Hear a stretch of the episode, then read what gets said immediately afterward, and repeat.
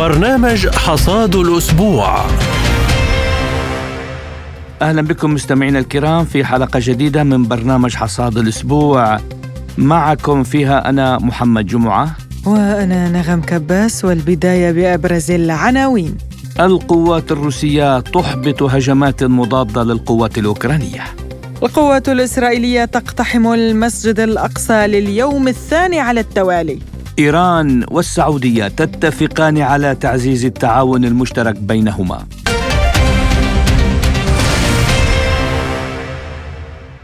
نبدأ الحلقة من الشأن الأوكراني واجتماع الرئيس الروسي فلاديمير بوتين مع رؤساء دانيتسك ولوغانسك الشعبية وزاباروجيا وخيرسون في العاصمة الروسية موسكو إذ قال بوتين خلال اللقاء قتلت القوات المسلحة الأوكرانية اليوم في أحد المواقع أربعة عشر من جنودها الذين استسلموا. وروسيا تتعامل في أوكرانيا مع نظام قاس إلى أقصى درجة حتى فيما يتعلق بجنودهم. وبوتين أيضا قال تتمثل مهمة روسيا في نقل القوات المسلحة داخل أوكرانيا إلى مسافة لا يمكن أن تسبب ضررا منها. وأضاف هناك خطط لبناء أقسام جديدة من السكك الحديدية في المناطق المحررة الجديدة من روسيا. وإن مهمة الجيش هي حماية إقليم الدنباس من القصف بشكل كامل. وبخصوص الميدان قال المتحدث الرسمي لمجموعة القوات العسكرية الغربية الروسية زابد سيرجي زيبينسكي لسبوتنيك بأن المدفعية الروسية على اتجاه كوبيانسك. تمكنت من كشف وتدمير ثلاث مجموعات تجسس وتخريب التابعة للخصوم بالإضافة إلى إفشال ثلاث محاولات لتناوب وحدات القوات المسلحة الأوكرانية في المناطق القريبة من دفورتشنوي وسينكوفكا وستيلماخوفكا بالنيران المدفعية. وحول محاولات قيام القوات الأوكرانية بهجوم مضاد قال ضابط الاستخبارات المتقاعد سكوت ريتر لسبوتنيك And so, if you combine the suicidal tendencies of Ukraine to throw all their resources into Bakhmut. لتلخيص الانتحار الأوكراني ألقوا كل مواردهم للحفاظ على أرتيوموفسك. والآن فقدوا السيطرة عليها. إنهم على وشك شن هجوم مضاد انتحاري ليس له فرصة للنجاح. لهذا السبب أواصل القول إن العملية الخاصة ستنتهي في نهاية الصيف. قد ينتهي الصراع حتى قبل ذلك بهزيمة كاملة للقوات المسلحة لأوكرانيا بسبب الخسائر الفادحة. وبدوره أوضح جون كيربي منسق الاتصالات الاستراتيجية في البيت الأبيض أن الولايات المتحدة تسمح لكييف بضرب شبه جزيرة القرم وجمهوريتي دانيسك ولوغانسك بالإضافة إلى منطقتي زاباروجا وخرسون.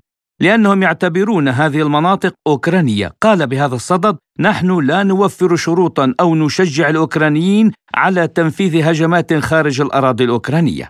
حول هذا الموضوع قال فلاديمير بروتر الخبير في المعهد الدولي للدراسات الإنسانية والسياسية لسبوتنيك Они все время собираются, пытаются спровоцировать Россию. هذا تصريح استفزازي.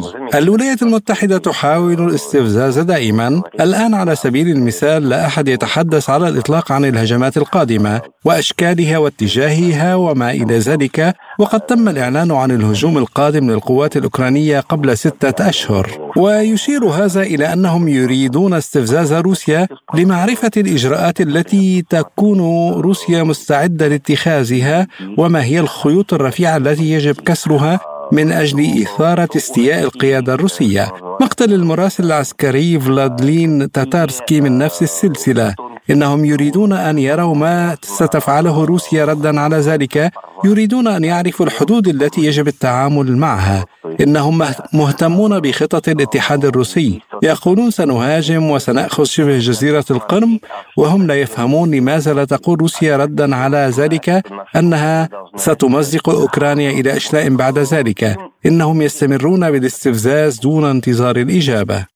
وللحديث عن هذا الموضوع ينضم إلينا عبر الهاتف الخبير بالشؤون الأوروبية أكثم سليمان. أهلا بك أستاذ أكثم في حصاد الأسبوع ودعني أبدأ من فشل سفراء الاتحاد الأوروبي بالاتفاق على شراء ذخيرة لكييف وإرسالها لهم، هل يعني ذلك أن أوروبا اليوم في ورطة استمرار الإمدادات استنفذت عمليا مواردها من الذخيرة والأسلحة أو ما حقيقة ما يجري؟ ما سبب عدم التوصل لاتفاق؟ أعتقد الجواب هو نعم ولا، نعم لأن نعم الذخائر التي أرسلت إلى أوكرانيا في الفترة الماضية وأيضا من أوروبا قد تم استنزافها آه، على الجبهات هناك، هذه نقطة مهمة تجعل في أي مكان يمول هذا البلد حالة نقص، لكن النقطة الأهم هي نقطة التمويل أيضا، لا تنسي أن الاتحاد الأوروبي يحتاج إلى آليات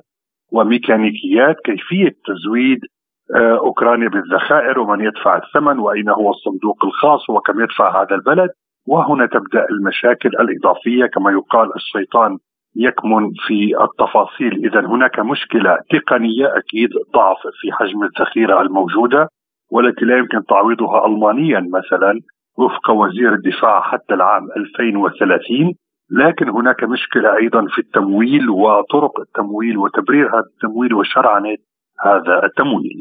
طيب دكتور أكسم يعني اليونان لن ترسل يابارد 2 آ 6 كما يقال إلى أوكرانيا. كيف سيحاول برأيك الغرب والولايات المتحدة الضغط على اليونان وإجبار على تسليم هذه الدبابات لنظام كيف؟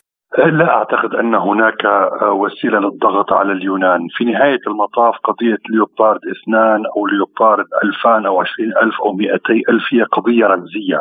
الكل يعلم أن هذه الدبابات على الجبهة لن يكون لها ذلك الأثر الكبير الذي يجعلنا نقول مثلا لولا أن اليونان اتخذت هذا الموقف الموقف لكانت المعركة قد تغير مسارها، إذا هناك دول تندفع أكثر من غيرها، خذ بولندا مثالا التي تزود أوكرانيا بطائرات مقاتلة رغم أن هذا الأمر ليس عليه توافق أوروبي وغربي، وهناك دول كاليونان آه، كغيرها تمتنع أو هنغاريا مثلا أيضا لا تحبذ مثل هذه الأمور سواء لحاجتها هي لهذه الأسلحة أو لاعتراض خفي دعنا نقول على هذا الأسلوب في تدوير الأسلحة اليونان اشترت الدبابات من ألمانيا من أجل حماية اليونان وليس من أجل تقديمها إلى هذا البلد أو ذاك.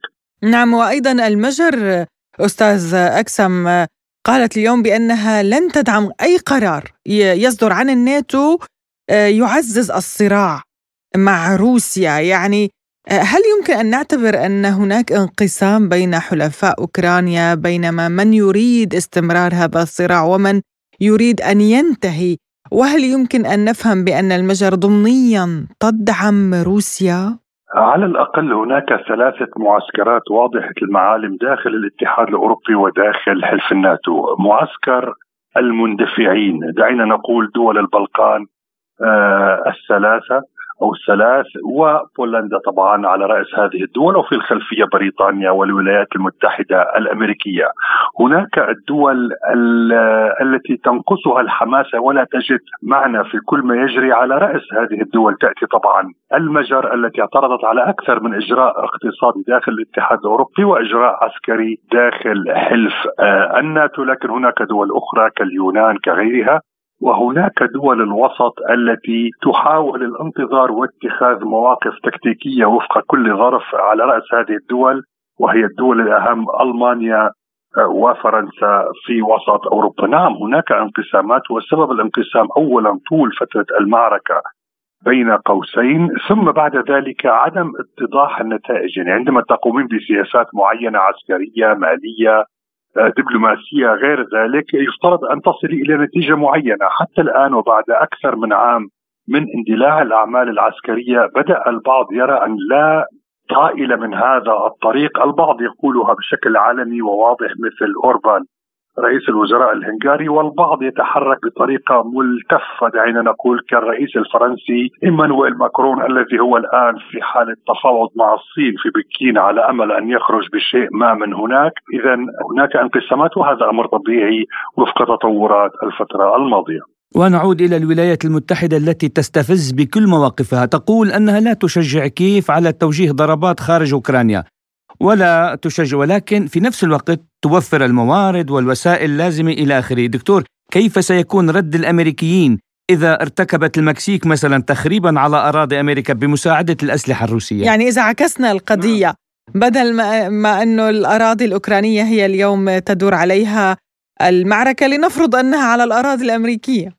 هذا آه، كلام منطقي والحقيقة أن المعركة الحالية إذا نسينا أوكرانيا، إذا نسينا أمور أخرى كثيرة تدور حول هذه النقطة بالضبط، هل هناك فاعلون على الساحة الدولية يسمحون لأنفسهم بما يمنعون آه، عنه الآخرين؟ نعم أم لا؟ الحقيقة أن الولايات المتحدة الأمريكية والاتحاد الأوروبي ومجموعة السبع يقومون بكثير من الأمور الدبلوماسية والعسكرية التي لا يسمحون لخصوص خصومهم بالقيام بها. لذلك يمكن فهم المعركة الحالية ليس أنها معركة أوكرانيا أو أراضي أو أمتار مربعة وإنما معركة ولادة آه، العالم الجديد متعدد الأقطاب. ماذا تعني كلمة متعدد الأقطاب؟ تعني أن ليس قطبا بحد ذاته هو الذي يفعل وهو الذي يحدد وهو الذي يعرف وهو الذي يعاقب. ولاحظي معي أن التراجع الأمريكي يعني فعلا من النوع الرخو جدا دبلوماسيا. أمريكا لا تشجع أوكرانيا.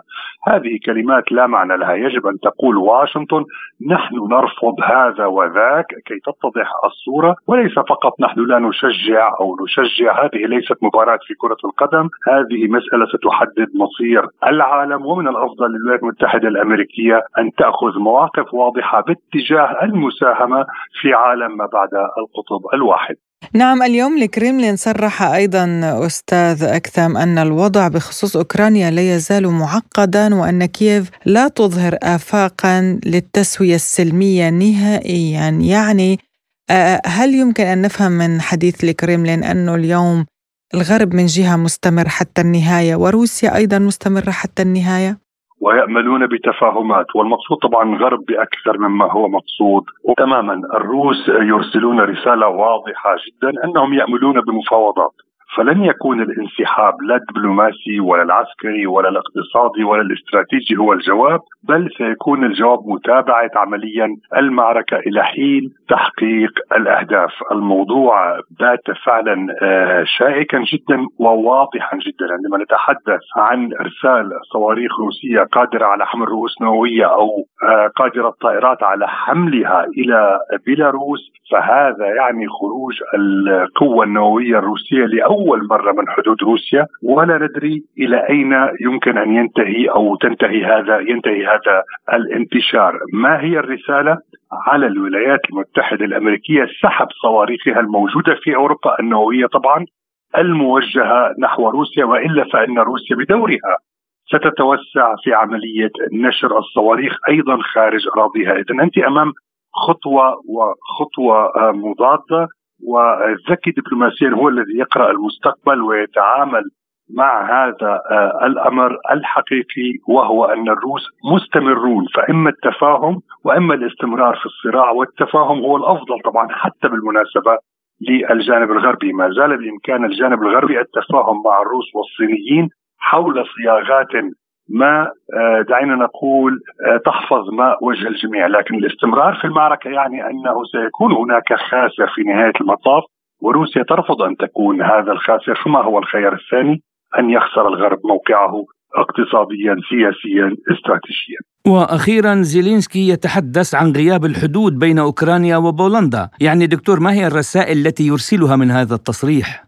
أعتقد هو يعني يمتدح الموقف البولندي آه، أعتقد أنه يمتدح الموقف البولندي آه، دعنا نقول العنيف جدا أو المتحمس جدا من أجل آه، دعم أوكرانيا. هذا من ناحية. من ناحية أخرى هناك نقطة في هذه الحدود وبغض النظر الآن عن الأطماع البولندية في أوكرانيا التاريخية وغيرها. هذا الخط هو خط خاصة أنه بولندا يعني عذرا على المقاطعة بولندا تعتبر أن الأراضي الحدودية مع أوكرانيا هي بولندية يعني كما تركيا تعتبر الأراضي الحدودية مع سوريا هي تركية وهكذا. صحيح هذه المطامع موجودة لكن أعتقد في هذا التصريح نقطة ربما تكون آه، أكثر تعقيدا وهي أن هذه الحدود الحقيقة بين أوكرانيا وبولندا هي حدود حلف شمال الأطلسي شرقا. وعندما أقوم بمحو هذه الحدود أو التخفيف من أهمية هذه الحدود أو أي شيء يتعلق بهذه الحدود فأنا أنضم بشكل غير مباشر إلى حلف شمال الأطلسي الناتو أو أجعل الحدود بيني وبين هذا الحلف مفتوحة بشكل شبه رسمي من هنا. هذا الموقف آه، لزيلينسكي. نعم شكرا جزيلا لك الخبير بالشؤون الأوروبية الأستاذ أكثم سليمان. كنت معنا عبر الهاتف من برلين شكرا لك. العفو. وإلى فلسطين حيث اقتحمت القوات الإسرائيلية المسجد الأقصى لليوم الثاني على التوالي وأطلقت قنابل الغاز والصوت لإخلائه من المعتكفين فيه. ما أدى لإصابة أكثر من 100 فلسطيني واعتقال حوالي 400 آخرين. وشن الجيش الإسرائيلي غارات جوية على موقع غرب المحافظة الوسطى بقطاع غزة فيما أطلقت الزوارق الحربية الإسرائيلية قذائف على شاطئ بيت لاهيا شمالي القطاع. من جهتها أطلقت المقاومة الفلسطينية نيران مضادة تجاه الطائرات الحربية الإسرائيلية للتصدي للغارات على قطاع غزة. واستهدفت أيضا موقع كوسوفيم العسكري شرق خان يونس جنوب قطاع غزة بعدد من قذائف الهاون. ولتفاصيل أوفى عما يحدث في فلسطين والأراضي المحتلة إليكم تقرير مراسل سبوتنيك هناك أجود جرادات.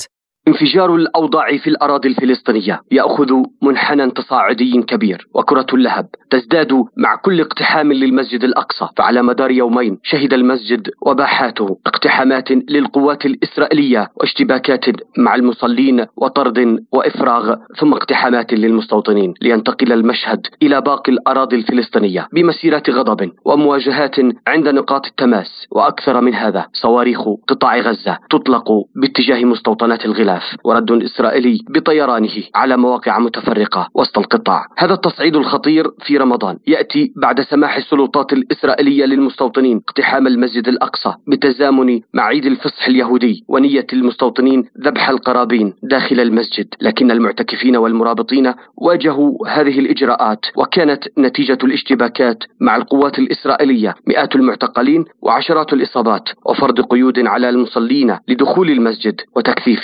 اقتحامات المستوطنين. هذه الأجواء المشحونة تزداد سخونة مع تصريحات لوزراء إسرائيليين يطالبون بالتصعيد ورد فصائل المقاومة الفلسطينية بالدخول في مواجهة شاملة مع استمرار اقتحام المسجد الأقصى من قبل القوات الإسرائيلية والمستوطنين. وهناك في مجلس الأمن تعقد جلسة طارئة مغلقة لمناقشة الإجراءات الإسرائيلية تجاه المسجد الأقصى. في وقت تسعى فيه أطراف إقليمية ومن دول الطوق. لإبقاء التصعيد على الأقل على حاله دون الانجرار إلى معركة عسكرية دامية أو أن تنطفئ كرة اللهب بعودة السلام على المسجد الأقصى ومن فيه.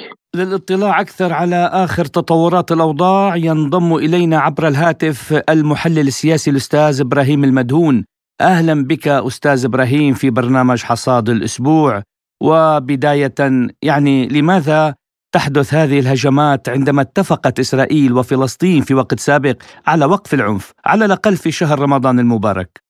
تحدث هذه الهجمات والاستهداف للمسجد الأقصى والعدوان المستمر بسبب سياسة الحكومة المتطرفه، نحن اليوم هناك حكومة إسرائيلية متطرفة تقود التوجه الإسرائيلي رأس مالها وأهم سياساتها واستراتيجيتها وبث سيطرتها وسيرتها على الضفة الغربية، تهجير الفلسطينيين من الضفة الغربية وأيضا تغيير الواقع في المسجد الأقصى والعدوان على المسجد الأقصى وفرض آه، وقائع تلموديه جديدة مستفزة لمشاعر المسلمين والمسيحيين وأيضا هناك حالة هروب إسرائيلي من الإشكاليات الداخلية إلى الصراع مع ولا تأجيج الصراع والعدوان على الشعب الفلسطيني. طيب يعني أستاذ إبراهيم هنا السؤال الذي يطرح نفسه في ظل هذه الأحداث التي تتعرض لها الأراضي الفلسطينية والمسجد الأقصى بشكل خاص في هذا الشهر الفضيل كيف سترد السلطات الفلسطينية وما هي الإجراءات التي يمكن أن تتخذها؟ الشعب الفلسطيني بشكل عام هو يحاول دائما أن يقاوم السياسات سياسات العنف التي تنتهجها السلطات الإسرائيلية. من ذلك هو التواجد والمرابطة في المسجد الأقصى بالإضافة إلى إظهار إلى إظهار هذه القضية لدى الرأي العام العربي والإسلامي خصوصا أن المسجد الأقصى لا يخص الفلسطينيين وحدهم، المسجد الأقصى يمس كل مسلم وكل عربي بل آه، أن مدينة القدس هي أيضا مدينة عالمية ومدينة مسيحية وإسلامية. ولهذا آه، بعتقد أن تسليط الضوء عليها آه، يعمل يمثل عامل ضغط على الاحتلال الإسرائيلي بالإضافة إلى المقاومة. الشعب الفلسطيني ما زال متمسك بمقاومه الاحتلال الإسرائيلي ورد العدوان. نتساءل جميعا ولو أن للسؤال ليس له قيمة أحيانا، أين احترام إسرائيل للمواثيق المعمول بها من بينها الوصايه الأردنية؟ هل يمكن في ظل هذه التوترات العودة إلى ما قبل عام 2000؟ آه الآن الضفه الغربيه على صفيح ساخن ويمكن أن تنفجر في أي وقت وأعتقد أن الدور الأردني ضعيف وبات يضعف يوما بعد يوم وهناك حاله عجز إن كان لدى السلطة الفلسطينية أو لدى السلطات الأردنية تجاه السياسات الإسرائيلية واستهدافها للمسجد الأقصى ولواقع مدينة القدس. ولهذا بعتقد أن الحل سيكون هو حلا شعبيا فلسطينيا وهناك اليوم حراك فلسطيني شعبي ان كان في الضفة الغربية والقدس وحتى في غزة وفي فلسطين الخارج. الكل الجميع الآن مستشعر حجم الهجمة وحجم العدوان وحجم الاستهداف والخطورة التي يتعرض لها المسجد الأقصى وتتعرض لها تعرض لها الواقع الفلسطيني. ولهذا نحن الآن أقرب إلى أي من أي وقت مضى إلى انفجار الحالة انفجار الوضع في الضفة الغربية وفي مدينة القدس. وقد نشهد بالفعل تطور وتدحرج المواجهات إلى ما يشبه ما حدث في الألفين حينما زار شارون المسجد الأقصى واستفز مشاعر الفلسطينيين والمسلمين. اليوم نحن أمام حالة مشابهة. يوم هناك كرة ثلج تكبر يوما بعد يوم ومع وجود هذه الحكومة المتطرفة ذات ذات السياسات المتطرفة وذات السياسات العدوانية على الشعب الفلسطيني أعتقد أنه آه، قد نشهد حالة مواجهة شاملة في القريب العاجل. مجلس الأمن الدولي يعقد جلسة طارئة حول ما يجري اليوم في الأراضي المحتلة ولكن يعني دائما نرى أن المجتمع الدولي لا يحرك ساكنا. لماذا هذه الفتورة من ناحية فلسطين وما يحدث فيها؟ وهل سيبقى المجتمع الدولي صامتا برأيك؟ يبدو أن المجتمع الدولي اول ينقسم إلى قسمين، الآن لم يعد مجتمعا واحدا، هناك انقسام في الحالة الدولية، الولايات المتحدة تضعف وباتت تنكفر عن عن المنطقة، بالإضافة أن هناك قوى دولية منزعجة من السلوك الإسرائيلي، وأعتقد أن اليوم نحن أمام فرصة بان يكون هناك ضغوطا دولية حقيقية على على السلطات الإسرائيلية خصوصا من موسكو ومن ومن بكين ومن الصين. لأن آه، الواقع هذا لا يهدد فقط منطقة الشرق الأوسط بل سيعمل على اختلال الحالة الدولية. ولهذا نحن أمام آه، واقع دولي منقسم. وأيضا آه، هناك حالة مما مما يعطي فرصة للاحتلال الإسرائيلي أن يتحرك. الأمر الآخر أن الولايات المتحدة هي الحليف الاستراتيجي للعدو الاسرائيلي أو للكيان الصهيوني. وهذا وهذا التحالف للأسف تستغل هذه الحكومة المتطرفه من أجل الامعان بعدوانها على الشعب الفلسطيني. ما زال الواقع الدولي عاجز عاجز أمام عاجز أمام لجم الاحتلال الإسرائيلي ولهذا تبقى خيارات المواجهه مفتوحه. دكتور إبراهيم يعني الآن عيد الفصح اليهودي وبنفس الوقت عيد الفصح للمسيحيين أيضا. ولكنهم ممنوعون من الوصول إلى كنيسة القيامة. هل لكم قراءة لهذا المشهد العنصري؟ لا الاحتلال الإسرائيلي يوغل بالتطرف ويوغل ويمعن الآن بلجم لجم أو يعمل على الحد من حرية الأديان والعمل، هناك تضييق على المسلمين، تضييق على المسيحيين، هناك أيضا توسع في العربدة الصهيونية والتلمودية. وهذا يؤدي إلى حالة احتقان شديد في الشارع الفلسطيني وفي الشارع الإسلامي وفي الشارع المسيحي على آه، مستوى العالم ولهذا يجب أن تكون هنا يجب أن يكون هناك تحرك تحرك سريع من الطوائف المسيحية من أجل إنقاذ أو من أجل الضغط على الاحتلال الإسرائيلي لعله يحترم القوانين والأعراف ولعله يحترم حرية ومكانة الأديان الأخرى. سؤالنا الأخير يعني أستاذ إبراهيم بما أنه حضرتك مقرب من حركة حماس كيف تلخص الموقف القيادي لحركة حماس في هذه المواجهات؟ حركة حماس تتابع عن كثب آه، هذا العدوان الإسرائيلي وتعتمد على خيارها الأساسي والاستراتيجي مقاومة الاحتلال ودعم وإسناد الحالة الثورية في الضفة الغربية. وفي قطاع غزة تراقب المقاومة الفلسطينية وعلى رأس كتاب القسام الأحداث المتصاعدة في مدينة القدس آه، وهناك أيضا حراك وتحرك آه، أعتقد ميداني ولكن حتى اللحظة من المبكر يمكن الحديث عن مواجهة في قطاع غزة ولكن ربما تتصاعد المقاومة حتى الفلسطينية في الضفة الغربية ومنها المقاومة المسلحة وأعتقد أن حماس معنية أيضا بإيصال رسائل قوية وردعية للاحتلال الإسرائيلي لعله يكف عن عدوانه على المسجد الاقصى. المحلل السياسي الأستاذ إبراهيم المدهون كنت معنا ضيفا كريما في برنامج حصاد الأسبوع شكرا لكم.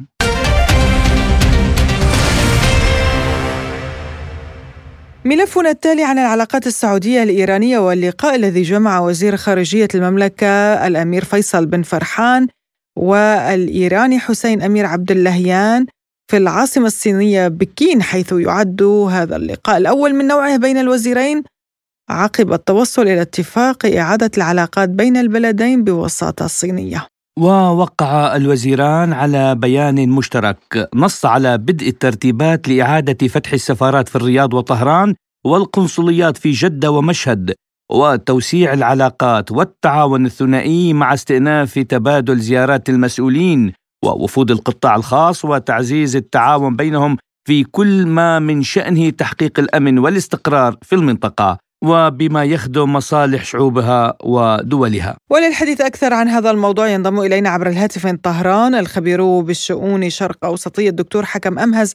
أهلا بك دكتور وأبدأ معك من التقارب بين إيران والسعودية، هل سيخلق برأيك مشاكل لأمريكا في أسواق النفط والسلاح؟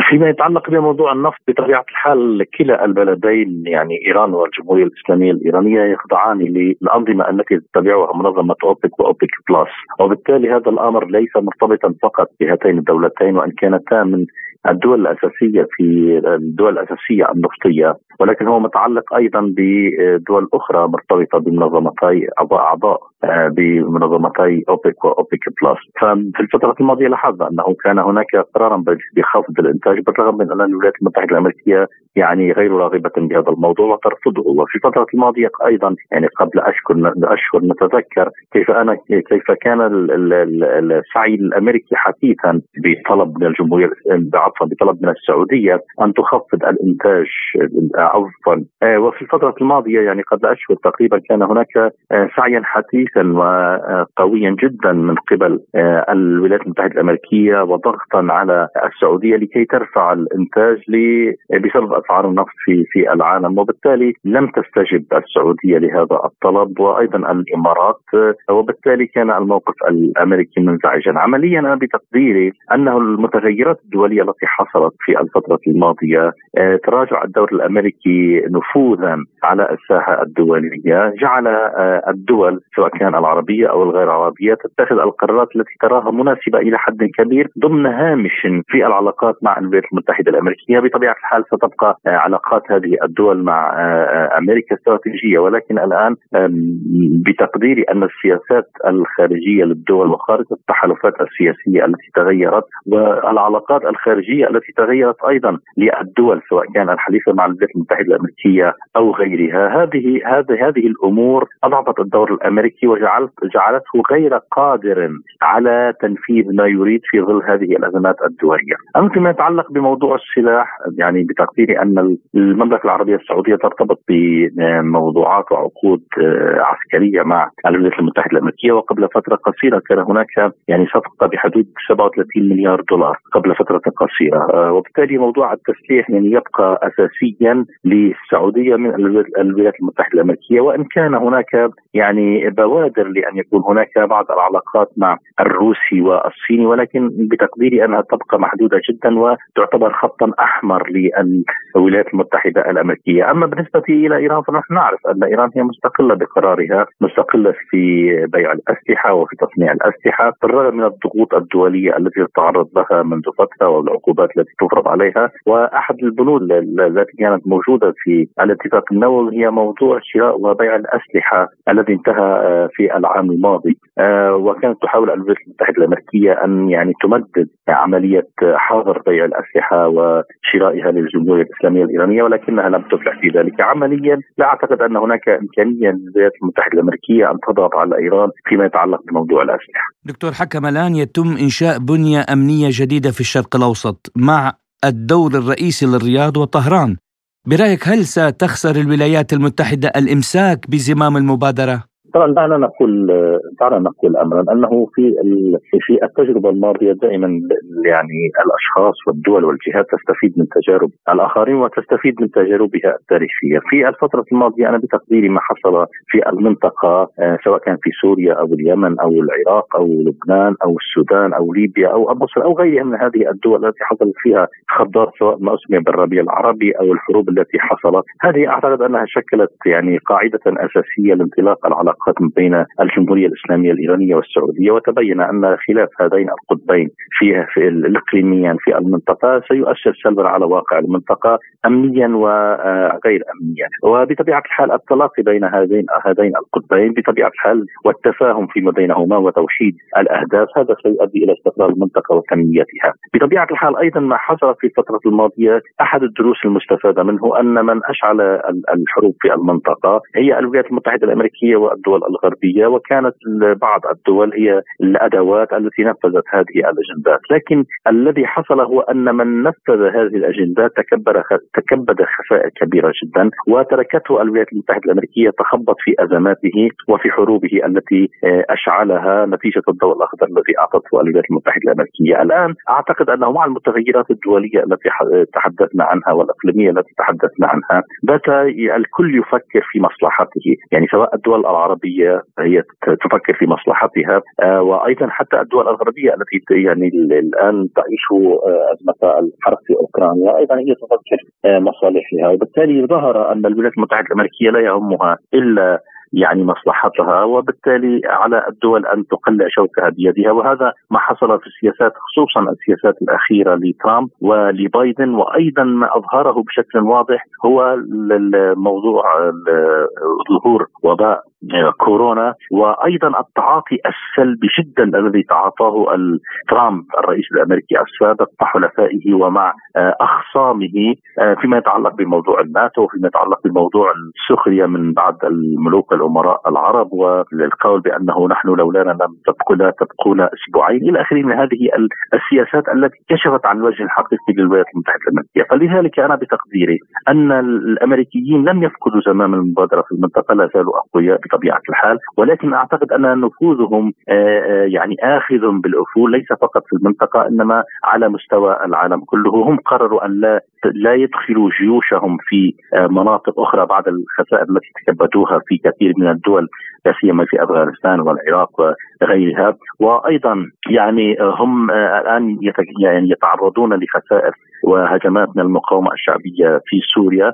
وبات واضح أيضا أن حلفائهم في المنطقة أصيبوا بنكسات وأزمات آه، وبالتالي يعني قدرتهم على الإمساك بملف المنطقة أصبحت أقل بكثير جدا من الفترة الماضية. فلذلك يمكن أن نقول الآن أن التلاقي الإيراني السعودي سيؤثر ايجابا على الوضع الأمني والاستقرار في المنطقة. هذه النقطة. النقطة الثانية سيحاول الأمريكي أن يستعيد نفوذه في يستعيد نفوذه في المنطقة. لكن عمليه استعادة النفوذ هذه يعني مرتبطة آه، بالأطراف الحليفة للولايات المتحدة الأمريكية وليس بايران لأن الإيرانيين موقفهم واضح، أما الأطراف الأخرى اقصد هنا الدول العربية هي التي ستحدد آه، آه، تنامي النفوذ أو ضمور النفوذ الأمريكي في المنطقة آه، بناء على التجربة السابقة التي خاضتها في الفترة الماضية خصوصا في السنوات العشر آه، الأخيرة، فلذلك إذا كان هناك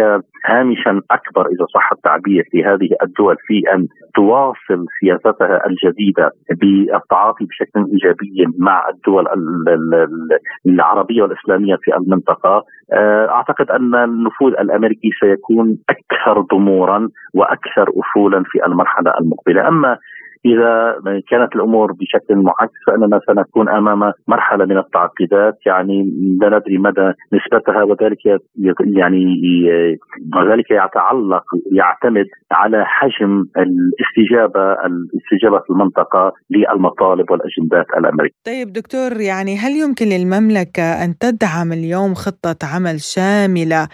آه، بالإضافة لمساهمة إيران طبعا لإنهاء الحرب في اليمن؟ شوف دعنا نقول أنه في في الاتفاقات التي حصلت وخصوصا التي وقعت اليوم كان هناك نقطتين أساسيتين أو خطين عريضين، الخط الأول هو تفعيل اتفاقية التعاون الأمني بين إيران والسعودية آه، في العام 2001 وأيضا تفعيل كل تفعيل اتفاقية العام 1998 التي تشمل كافة مجالات العلاقات ما بين إيران والسعودية الاقتصادية والسياسية والأمنية والإعلامية والاجتماعية وما إلى ذلك والعلمية وما إلى ذلك من هذه العلاقات. عمليا هناك إذا صح التعبير مرحلة من تطبيع العلاقات فيما بين البلدين. هذه الأجواء بطبيعة الحال أشرت إلى اليمن ستنعكس على على الأجواء اليمنية وهناك اتصالات الآن تجري ومشاورات تجري لتسوية الوضع في في اليمن. أنا بتقديري بتقديري أن الأجواء تسير نحو الإيجابية أكثر منها نحو السلبية. فإذا حلت المشكلة اليمنية أعتقد أن الكثير من الملفات أيضا ستحل في المنطقة لأنه كانت سبب الأزمة تقريبا الرئيسي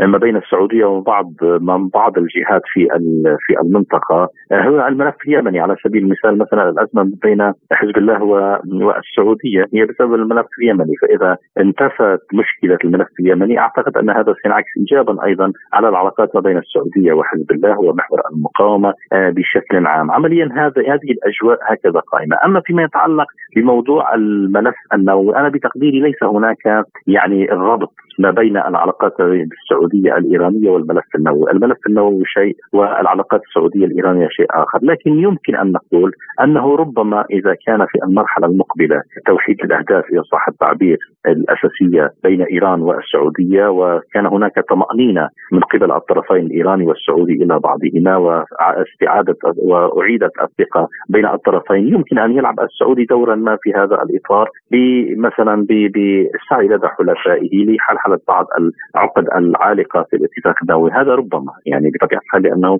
القرار ليس بيد السعودية ولا ليس بيد أي دولة أخرى سواء كان الصين أو روسيا أو الدول الأوروبية لأن القرار مرتبط بشكل أساسي بالولايات المتحدة الأمريكية. فإذا كان هناك رغبة من الولايات المتحدة الأمريكية وجاءت الوساطة السعودية لحلحلة بعض العقد في الاتفاق النووي سيكون هناك استجابة بناء على رغبة أمريكية، ونحن في الفترة الأخيرة سمعنا يعني أن هناك آه، آه، آه، إذا صح التعبير مبادرة أو أفكار لدى الولايات المتحدة الأمريكية لإنجاز اتفاق مؤقت ما بين إيران والدول الغربية في في الاتفاق النووي على أساس أن يعني ترفع الولايات المتحدة الأمريكية بعض العقوبات عن إيران مقابل أن تجمد إيران بعض الأنشطة في البرنامج النووي الإيراني. وبطبيعة الحال هذا الأمر مرفوض من قبل الجمهورية الإسلامية الإيرانية إلا أن يكون هناك اتفاقا يعني كاملا ومنجزا وشاملا وذا ديمومه واستمرارية، فلذلك أعتقد أن هذا الأمر هو الذي سيحكم المرحلة المقبلة. الخبير بالشؤون شرق أوسطية الدكتور حكم امهز كنت معنا ضيفا كريما من طهران، شكرا لكم. وللمزيد أيضا عن نفس الموضوع ينضم إلينا من الرياض رئيس مركز القرن للدراسات الدكتور سعد بن عمر. أهلا بك دكتور في برنامج حصاد الأسبوع ودعني أبدأ من توقعاتك بعد هذه المفاوضات وبعد توقيع بيان مشترك بين وزيري الخارجية السعودي والإيراني. هذه الاتفاقات هي تحولات في منطقة الشرق الأوسط بكاملها وأعتقد أن بوادر هذا الاتفاق آه الذي وقع في آه بكين في الشهر الماضي بين السعودية وإيران وبرعاية الصين بدأت تظهر نتائج على الواقع. هناك تفككات في, الأفكار التي كانت مسببة أزمات في منطقة الشرق الأوسط. وأعتقد أن هذا الاجتماع الذي يعقد اليوم في الصين هو متمم للخطوات التي بدأ في نتائجها من ساعة توقيع الاتفاق. هناك توقعات كبرى في المنطقة في تغيير استراتيجيات كاملة لكثير كثير من الدول وانفتاحات اقتصادية كذلك يعني إقلاع من كثير من الأفكار التي تسببت في حروب في منطقة الشرق الأوسط وتأزم في العلاقات وهناك يعني أمل كبير بتفكيك كثير من الميليشيات الموجودة التي تسببت في دمار كثير من الدول العربية وترعاها بعض الأطراف. دكتور سعد يعني هل سيؤثر هذا التقارب برأيك على التعاون بين الدول في مجالات أخرى مثلا في الاقتصاد؟ المملكة العربية السعودية وإيران دولتان محوريتان في في في منطقة الشرق الأوسط وكل منهما له تأثيره في المنطقة، لذلك أعتقد أن أي اتفاق سعودي إيراني سيلقي بظلاله على على الدول الأخرى مثل سوريا والعراق واليمن. هذه دول تتأثر بالمحور الإيراني.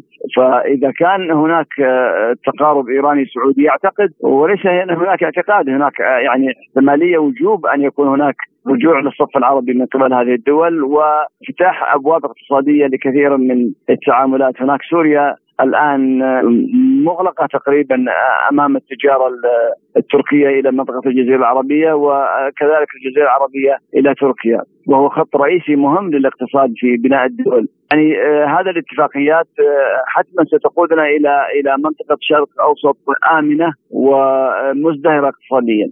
ماذا عن اليمن دكتور؟ يعني هل تعتقد أن هذا التقارب سيؤدي إلى إنهاء الحرب في اليمن؟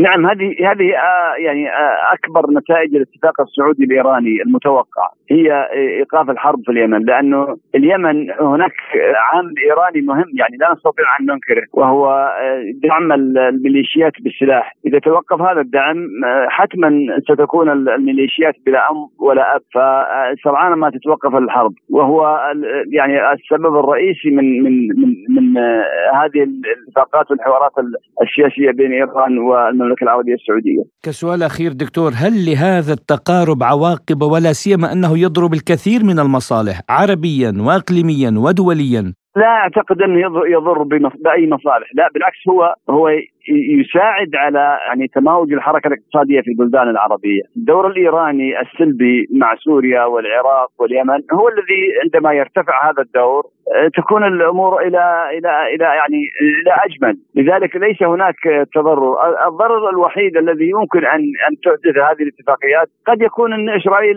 تبقى أكثر منزعجه فقط من مسألة التقارب السعودي الإيراني. يعني بدل ما يكون إيران لها لها أعداء في المنطقة سيقلون اعدائهم، هذا الضرر الذي قد ينتج فقط، أما في داخل الدول العربية لا أعتقد كل الدول مستفيدة من مسألة السلام والتصالح ويعني إعادة العلاقات. رئيس مركز القرن للدراسات بالرياض الدكتور سعد بن عمر، شكرا لك على هذه المداخلة. ونبحث أيضا في حصاد الأسبوع المفاوضات السورية التركية التي جرت في موسكو وانتهت دون التوصل لخطوط عريضة واضحة حيث اعتبر معاون وزير الخارجية السوري أيمن سوسان أن إعلان تركيا رسميا سحب قواتها من سوريا هو المدخل لإعادة التواصل مع أنقرة وأن تركيا لم تبدي أي مؤشرات إيجابية بخصوص هذا الانسحاب أو بخصوص محاربة الإرهاب والقضاء عليه في شمال غرب البلاد. وأضاف أنه ليس من حق أي دولة التدخل العسكري في أراضي دولة أخرى وفي حالة وجود خطر إرهابي يفترض التنسيق مع الدولة المعنية لمواجهة ذلك. بدورها أعلنت وزارة الخارجية الروسية أن نواب وزراء خارجية روسيا وإيران وسوريا وتركيا اتفقوا خلال الاجتماع الرباعي على استمرار الاتصالات حيث قال وزير الخارجية الروسي سيرجي لافروف إن شعبي تركيا وسوريا مرتبطان بقرون من التاريخ المشترك والدين والثقافة والجغرافيا مما يجعل تنمية علاقات حسن الجوار متبادلة المنفعة بين البلدين بلا منازع. ولكن لا يمكن حل جميع القضايا في اجتماعين أو ثلاثة وأن عملية التطبيع ستستغرق الكثير من الوقت. داعيا الوزير الجانبين السوري والتركي إلى إبداء أقصى قدر ممكن من المرونة والبناء. حول هذا الموضوع قال الخبير بالشأن التركي الدكتور فراس رضوان أوغلو لسبوتنيك. هو مجرد يعني جلوس الطرفين هو أنا أظن إعلان بانتهاء حالة الخصومة أو الحرب أو الخلاف أو الانقطاع السياسي بين الطرفين. هذا أعتقد أعتقد أنه خطوة إيجابية أولى نحو آه، كسر الحاجز بين الطرفين. خلاف في الرؤية في الملف السوري طبعا هو معروف مختلف جدا. 180 درجة في اختلاف آه، بين الطرفين. لكن التفاصيل هو في الجلوس بين هذه اللجان أظن هو الذي سيبدأ بحل العقد آه، رويدا رويدا لأن أيضا لا يمكن أظن أن كلا الطرفين أن يعطيا كل شيء مرة واحدة أو يفرضا شيء مرة واحدة. لذلك أظن هذا يعني هذا الأمر يحتاج إلى وقت. وسينعكس طبعا هذا على كل الأمور. يعني التواجد العسكري موضوع السياسي في الداخل سوريا مثلا دعم تركيا للمعارضة إخراج العناصر الإرهابية مسائل تفلت السلاح يعني كثير من الأمور بين الطرفين الأمور الاستراتيجية أيضا. هذه كلها أظن ستطرح يعني بمعنى هل التواجد التركي مفيد الآن أم غير مفيد؟ وهذا أظن أحد الرؤيا التي ربما قيل أن هناك اختلاف بين موسكو ودمشق في هذه النقطة. اذا أنا أظن الجلوس هذا سيطرح عدة لقاءات وقرارات ويعني آه، تكون الأمور أكثر آه، وضوحا مع الأيام طبعا اظن نوعا ما مبكر يعني مسألة الإيجابيات لكن مستوى الإيجابيات حتى هذه الإيجابيات الإيجابيات كبيرة صغيرة لكن يقال اللجان هذه هو يعتبر شيء إيجابي. يعني هذا انفتاح أيضا دمشق على ما تريده تركيا وأيضا انفتاح تركيا على ما تريده سوريا. وهذا أظن يعني هو يعني نقطة الانطلاق التي لا يجب إغفالها وأيضا مهمة جدا. التواجد التركي هذه النقطة هي ستبقى بين قراءتين. هل التواجد هذا استراتيجيا أفضل؟ لأن هناك عنصر ثالث وهو يعني أو الرابع لنقول الولايات المتحدة الأمريكية. يعني نحن لا نتكلم عن عن شيء بسيط نحن نتكلم عن قوة عظمى لها حضور قوي لها يعني قوة عسكرية. أيضا تتعامل مع أشخاص أيضا أصبح لديهم قوة عسكرية على أرض الميدان يفاوضون بشكل مستقل وهذا ما يزعج تركيا ويقلقها من الناحية الأمنية. هناك بعض الضمانات الأمنية تستطيع أظن دمشق إعطائها وهناك ضمانات أظن صعب على دمشق طبعا مثل أن تحارب قسد وقسد تحت الحماية الأمريكية. فهذا كيف سيتم معالجته؟ لكن الأهم أظن هو فتح العلاقات بين الطرفين إيجاد صيغة ما للتواجد العسكري التركي في النهاية هذه أراضي سوريا لا يمكن للجيش التركي أن يبقى فيها مدة طويلة. وهو دخل الجيش التركي على مسألة أن منع انفصال الشمال تحت بنادق الأكراد الانفصاليين. استمعنا إلى تعليق الخبير بالشأن التركي الدكتور فراس رضوان أوغلو. بدوره قال المحلل السياسي الدكتور طالب إبراهيم إن سبب رفض تركيا الخروج من الأراضي السورية هو أطماعها التوسعية. تركيا لها مطامع تاريخية قديمة في الأراضي السورية. وقبل سيطرة الإرهابيين على محافظة حلب اجتمع كان فيدان رئيس مخابرات التركية. بقادة الفصائل الإرهابية وكان بيديه خريطة لسوريا ورسم دائرة حول مدينة حلب وقال هذه لنا وسنستعيدها وبعدها سنساعدكم على استلام سوريا كلها. هذه معلومة استخبارية مؤكدة. هذا جزء راسخ من العقيدة السياسية والعسكرية والاستراتيجية التركية أن هذه المناطق هي عائدة لهم. انظري مثلا قبر سليمان شاه. جعلوا منه مسمار جحا كما نقول في العامية. رفضوا نقله إلى تركيا رغم عرض السلطات السورية نقله عندما كان يتم بناء سد الفرات. حيث غمرت المياه الضريح القديم وقام السوريون بنقله. فأصرت تركيا على بقائه ضمن الأراضي السورية. وسليمان شاه هو والد أرطغرل وأرطغرل هو والد عثمان الأول. لذلك المطامع واضحة وواضحة جدا وجلية ويخطئ أي شخص أو جهة يعتقد أن الأتراك سينسحبون هكذا بهذه السهولة من الشمال السوري. يعتقدون أنهم تمكنوا من قضم هذه القطعة من الأرض السورية وهي جزء من موروثهم التاريخي كما يتبجحون ولن يعودوا بهذه السهولة لديهم جماعات إرهابية مقاتلة تدعمهم وتقف معهم وهذا كان خطأ استراتيجي كبير وقعت به روسيا والقيادة السورية عندما وافقوا على ترحيل الإرهابيين إلى ادلب وهم أزلام آه، الاستخبارات التركية. الموقف كما قال لافروف صعب بل أضيف إلى ما قاله السيد لافروف أنه معقد ومعقد جدا جدا وقد يتحول شمال سوريا إلى شمال قبرص أخرى وقد يكون فاتحة لسلسلة من الحروب إذا لم يتم الضغط بصورة كبيرة على التركي للانسحاب من الشمال السوري. وأعتقد أن الرئيس الأسد لم يكن يضع شروطا مسبقة على العملية كان يعلم ما سيدور بخلد التركي عندما قال لن نلتقي وأعتقد أنه من غير المنطقي أو العقلاني أن يلتقي وزيراء الخارجية في البلدين. ما لم تعلن تركيا أن هذه المناطق محتلة وأنها ستنسحب من هذه المناطق. وعن رد فعل الشعب السوري على استئناف العلاقات بين أنقرة ودمشق أضاف إبراهيم الموقف الشعبي الشعب السوري شعب مثقف وذكي. صحيح أنه خضع لمرحلة ما بالربيع العربي ولكنه أكثر شعوب المنطقة من ناحية الثقافة السياسية.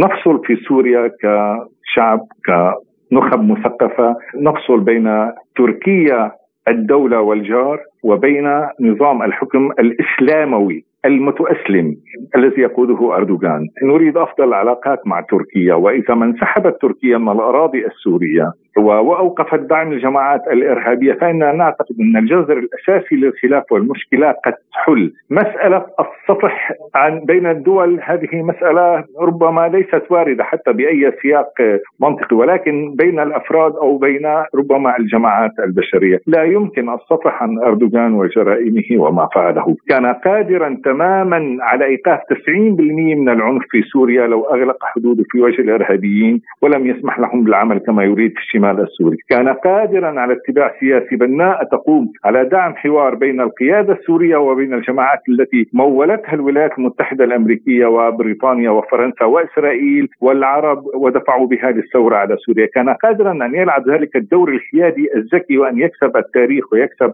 محبة الشعب والقيادة في سوريا، هذا الرجل لا يمكن في حال من الأحوال وإلى يوم القيامة وحتى يرسل الله الأرض والسماوات الثقة به على الإطلاق ولكن عندما يقوم بأفعال سنثق بالأفعال وبالوقائع ديفاكتو على الأرض. ببساطة لا يمكن الصفح أو النسيان لما فعله ولكن تركيا في نهاية المطاف هي جار وجار عزيز وجمعنا تاريخ كثير وهناك العديد من الوشائج الأخلاقية والسكانية والإنسانية بيننا وبينهم ويجب التفريق بدقة بين نظام حكم خطف تركيا واخذها من علمنتها وعقلنتها نحو الدعشنة وبين تركيا الأمة والدولة. كان هذا رأي المحلل السياسي الدكتور طالب إبراهيم.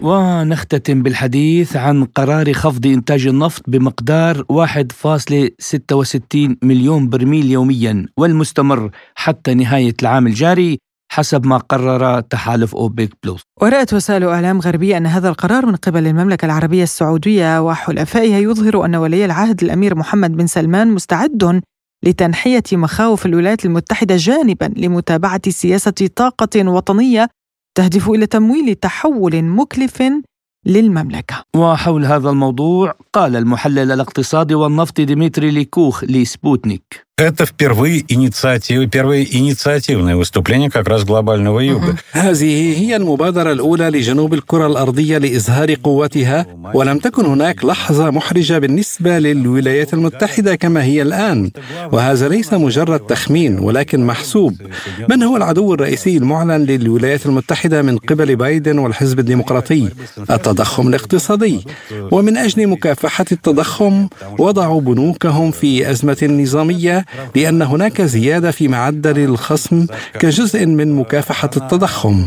ومن أجل الحفاظ على أسعار النفط مرتفعة كانت الولايات المتحدة ترمي مليون برميل إضافية من احتياطياتها والآن هي اللحظة التي يكون فيها من الضروري بالفعل الشراء ولم يعد بأسعار منخفضة ولم يعد لهم مكانا يذهبون إليه. هذا هو توجه السعوديين تجاه روسيا لأنهم تصرفوا بشكل متزامن مع تخفيضنا. لقد خفضوا الإنتاج بتحد بنفس المقدار الذي خفضه الاتحاد الروسي. هذه الخطوة قد ضربة على الوجه كما يقال وهي ليست مؤلمة فقط وإنما حكم على الأمريكيين بأنكم لم تعودوا القوى الرئيسية في العالم. وللخوض أكثر في هذا الموضوع ينضم إلينا عبر الهاتف الخبير الاقتصادي الدكتور نبيل المرسومي. أهلا بك دكتور ونبدأ من هذا الإجراء الذي قامت به أوبك، هل تعتقد أنه وقائي يهدف إلى الحفاظ على استقرار السوق وكيف سيؤثر على الأسواق العالمية؟ يعني تخفيض الاوبك بلس آه، هو تخفيض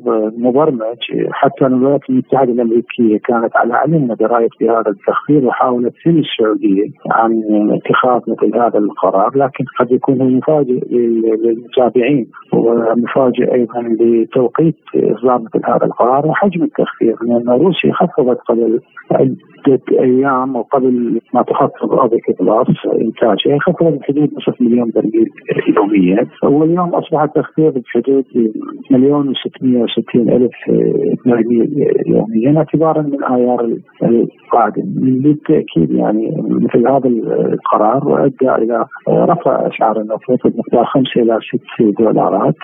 وهذا طبعا يعني ممكن أن يؤثر صح يؤثر ايجابيا في إيرادات النفط الدول الاوبك لكن قد يضر بالنمو الاقتصادي العالمي. العالم اليوم يعيش في ازمه ركود تضخم ويعتمد سياسات نقدية متشددة ويرفع كثيرا معدلات الفائدة وهذا يضر بالنمو الاقتصادي. أعتقد إن هذا القرار قد يؤدي اولا إلى خسارة اوبك بلس لبعض حصص السوقيه وقد يؤدي إلى ضعف النمو الاقتصادي بالتالي ضعف الطلب العالمي. على النفط وقد تتراجع أسعار النفط خاصة في النصف الأول من هذا العام وهذا ممكن ممكن في سوق النفط كل شيء يحدث وهذا قد يضر جزئيا في اوبك الولايات المتحدة لم تعد الآن تلعب دورا حاسما في الخليج وسوق النفط في السراء والضراء، يعني هل انتهى عصر الهيمنة الأمريكية في الشرق الأوسط؟ آه، يعني القرار تاثيره راح يكون بالربع الثالث من هذا العام لانهم دائما الربع الثاني يكون الطلب ضعيف على النفط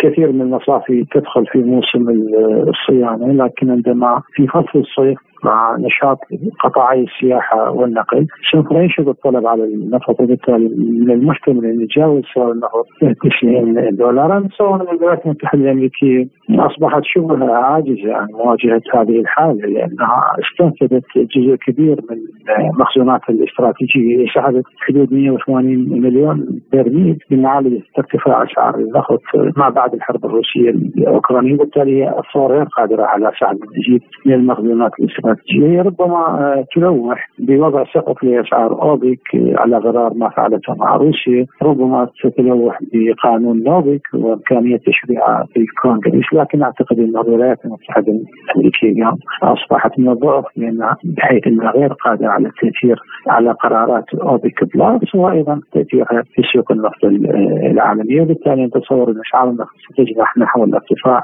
خصوصا في النصف الثاني من هذا العام. ومساله 90 دولار اعتقد انه ستصبح آه، قريبة إذا لم يتجاوزها إلى أكثر إذا ما لم تحصل هناك تعميق لأزمة الركود التضخمي في العالم الرأسمالي. هذه مسألة مهمة ركود التضخم ممكن يؤدي إلى انخفاض في الطلب العالمي على النفط وهذا قد قد يؤثر سلبيا ونعرف سوق النفط هي سوق متقلبة تخضع لأهواء وأمزجة وسياسات وعوامل سياسية واقتصادية واجتماعية آه، وأمنية وحتى الإشاعة والمضاربة تلعب دور في تحديد الأسعار. طيب دكتور هل تعتقد أن هذا القرار اقتصادي بحت أو أن له علاقة بطريقة ما بالحقائق الجيوسياسية الجديدة والمتغيرات؟ لم تصور ان الجنده السياسيه آه، واضحة خصوصا إنه أصبح العالم يتجه إلى الاعتماد على عملات أخرى غير الدولار الأمريكي، التجاره بين الصين وروسيا مثلا.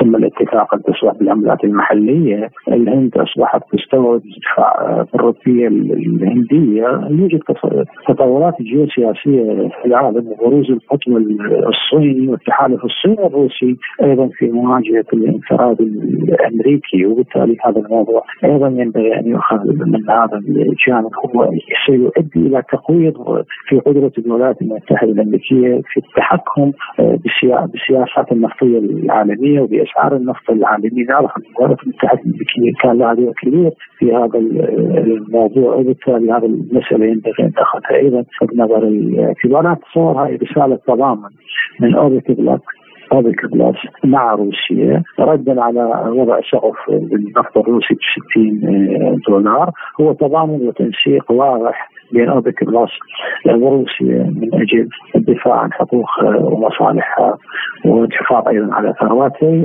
محاوله إيجاد سعر عادل لها لأن المستفيد الأكبر اليوم من الحرب الروسية الأوكرانية هي الولايات المتحدة الأمريكية، يعني الولايات المتحدة الأمريكية أصبحت هي المورد الرئيسي اليوم باوروبا بالغاز وتفرض أسعار مرتفعة جدا على صادرات الغاز الأمريكية. تحاول أن تخضع امن الطاقه في أوروبا لمصالحها وهيمنتها حتى تتحكم بكل مفاصل الحياة السياسية والاقتصادية في أوروبا وفي محاوله فرض ذلك على العالم. الخبير الاقتصادي الدكتور نبيل المرسومي شكرا لكم على هذه المداخلة. بهذا الملف نصل وإياكم مستمعينا إلى ختام هذه الحلقة من حصاد الأسبوع قدمناها لكم أنا نغم كباس وأنا محمد جمعة وللمزيد زوروا موقعنا الإلكتروني سبوتنيك dot ae وأيضا قناتنا على تليجرام إلى اللقاء. إلى اللقاء.